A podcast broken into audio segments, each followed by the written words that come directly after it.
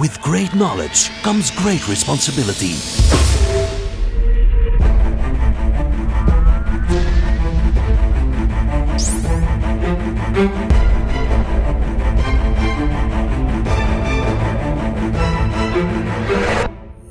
Fifty-two topics by Maarten Bové and Kevin Couvreur. Ja, hallo iedereen en welkom terug voor een nieuwe 52 Topics. Ja, met uh, Maarten en Kevin. Hè. Altijd leuk om elkaar nog eens voor te stellen, hè. ook al na zoveel afleveringen. Um, Oké Maarten, waar gaan we het vandaag over hebben? Ja, vandaag gaan we terugbouwen, hè, verder bouwen op de aflevering van vorige week. Hè. Dus iedereen ja, die uh, de vorige aflevering nog niet heeft beluisterd of bekeken, ik zou zeggen, begin daar even. Je mag ook helemaal van in het begin beginnen, maar is ondertussen ja, al wel. Ja, hele hoop afleveringen. hele hoop. Um, dus ja, we gaan vandaag verder bouwen op disaster recovery. Ja. Vooral hybrid disaster recovery. ja klopt. Um, ja, vorige aflevering hebben we gepraat over strategie. Wat moeten we gaan doen of hoe moeten we daar eigenlijk aan beginnen om na te denken over uh, disaster recovery. Hè. Dus dat is een strategie, ons de vragen stellen van wat als. Dus ja, we komen meer en meer, Maarten, in een cloud scenario, inderdaad hybrid cloud, waarbij dat bedrijven toch meer en meer, ja, nog altijd on-prem bij hen lokaal in het bedrijf, maar ook meer en meer clouddiensten beginnen af te nemen. Ja, hoe moeten zij kijken naar disaster recovery? Verschilt dat veel of, of, of ja, zijn daar gelijk Ja, het concept blijft natuurlijk hetzelfde. Mm -hmm. uh, backups, uh, nadenken over die plannen, dat ja. blijft eigenlijk belangrijk voor gelijk waar je zit met je workloads. Ja. Uh, er zijn ook heel veel bedrijven die nog in hybrid scenario's natuurlijk werken. Mm -hmm. Dus ja, die backups heb je nodig. Uh, en je hebt in binnen Azure verschillende mechanismen eigenlijk mm -hmm. om geo-redundancy ook in te bouwen. Uh, natuurlijk, zoals we vorige aflevering ook hebben gezegd, alles heeft een kostprijs. Ja, hè? dat is juist, um, dat is juist, dat is juist. Dus de snelheid of op hoeveel locatie je dat wilt ja, hebben. Voilà, um, het, het, bouwt natuurlijk op. Hè? Ja. Um, wat niet wegneemt, is dat het voor sommige situaties natuurlijk ook wel de investering waard is gewoon. Tuurlijk. Ik denk dat we daar ook weer terugkomen op het, uh, het punt dat we gemaakt hebben.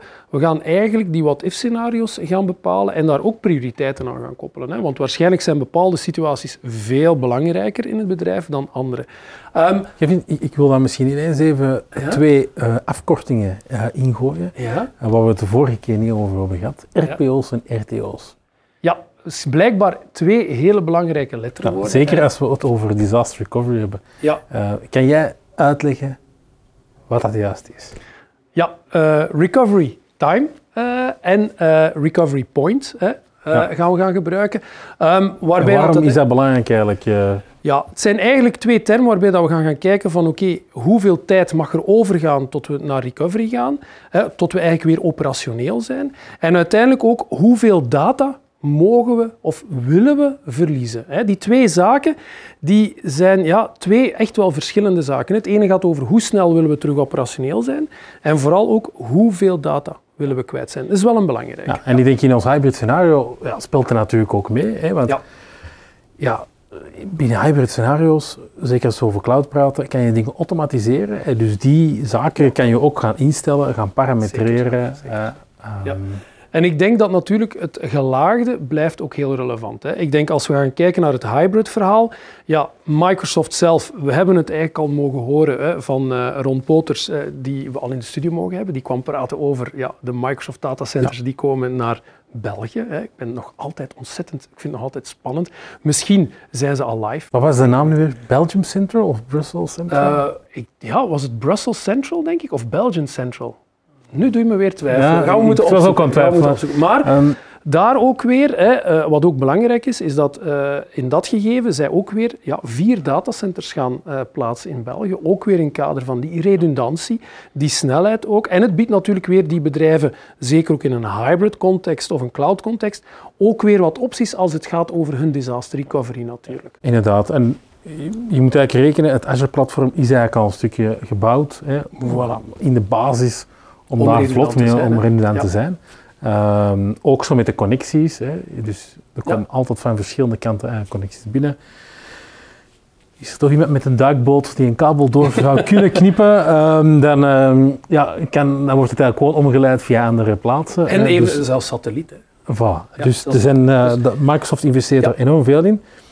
Maar ik denk daar, als ik dan even mag kijken naar het cloud gebeuren, wat we daarin gaan doen, dat is als we het hadden over disaster recovery in onze vorige aflevering, het speelde op verschillende niveaus. Hè. Wat een infrastructuurredundantie die we hadden. Hè. We gaan meerdere servers naast elkaar gaan zetten. We gaan niet meer één server hebben, we gaan niet meer één firewall hebben.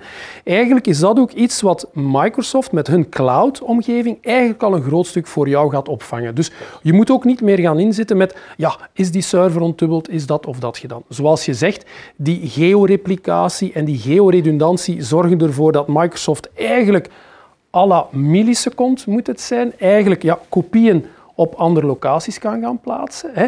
Maar natuurlijk, daar zit de uitdaging van oké, wat doen we dan met dat applicatieve laagje? Hè? Wat doen we met die data, wat doen we met die zaken? En daar komt dan misschien nog ja, een eenvoudiger data, disaster recovery verhaal. Ja. Ja, daar heb je natuurlijk, los van natuurlijk ook het backup gegeven dat uh, given is in gelijk welk scenario, waar ook heel veel opties over zijn.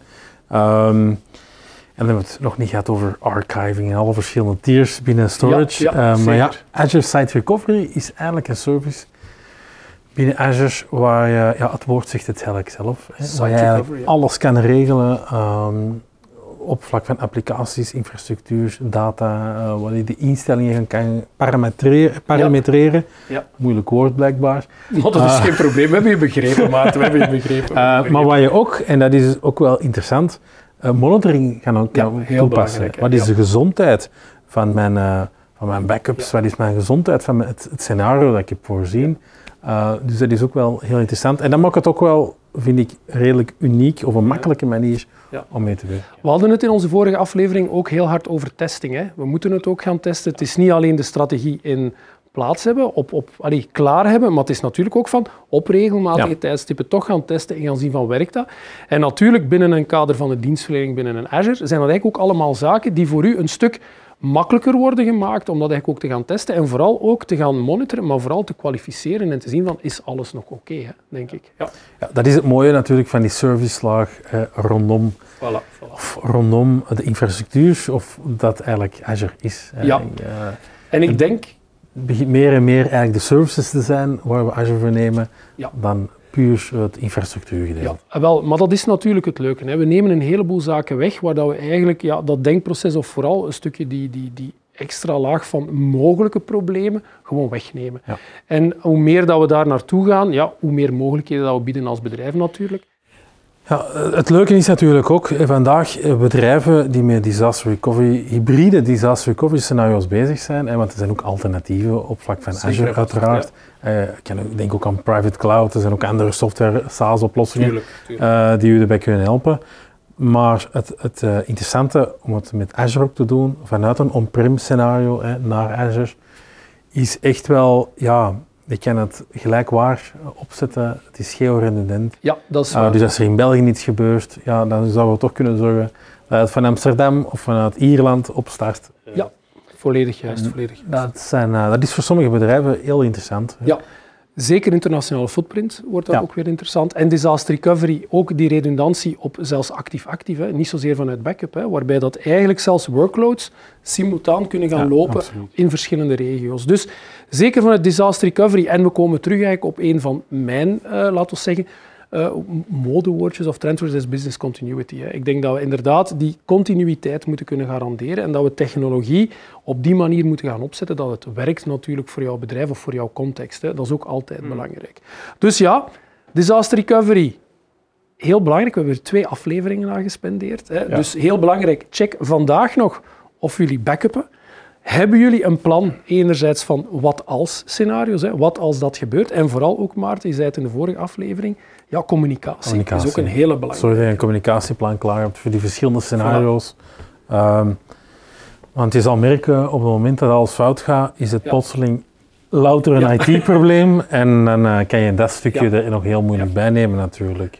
En als vierde zou ik willen afsluiten, ja, denk misschien ook eens aan inderdaad een cloud-deel uh, om eventueel binnen uw disaster recovery te gaan opnemen, om u daar misschien nog wat meer flexibel Het is een heel sterk alternatief ja. uh, voor veel van de situaties, veel van de klanten die, die ik spreek. Dus uh, ja. ja, absoluut. Voilà, uh, disaster recovery, ook in een hybrid scenario, uh, heel relevant, heel belangrijk. Er zijn opties genoeg in de cloud en dergelijke meer, maar de basisregels nou, blijven Opties genoeg, van, en uh, misschien om helemaal af te sluiten, ik zal niet vaak zeggen dat Azure de goedkoopste oplossing is, of de, wel de veiligste oplossing, maar op vlak van ja, deze hybrid scenario's komen ze er soms heel sterk en heel voor, voor, voor, maar voordelen gaat. Ja, ja dat wil ik toch wel even zeggen. Uh, ik denk dat we nog even ook, uh, om als afsluiter Maarten, ik heb, uh, denk dat deze aflevering een van de afleveringen is waar je het meeste aantal keer het woord Azure hebt gebruikt. Azure? Ja, Azure. Hè, voilà. Azure we hebben natuurlijk ook, ik denk dat we toch de oefening eens gaan moeten doen om het aantal Azure-uitspraken toch eens moeten in kaart te brengen. Misschien toch weer iets voor onze laatste aflevering die we gaan doen, die eigenlijk stilletjes aan dichterbij komt natuurlijk. Hè. Ehm, ja, oké. Ik zou zeggen, ja, ik, ik, ik, vraag me eigenlijk af, Kevin, waar zitten we eigenlijk nu met de afleveringen? Heel goed. Ik denk dat wij nog een uh, viertal of drietal afleveringen uh, te gaan hebben nu. Um, dus ja, ik hoop dat we daar zitten. Um, maar dat wil zeggen, Maarten, dat wij, wij gaan toch geen afscheid nemen, hè?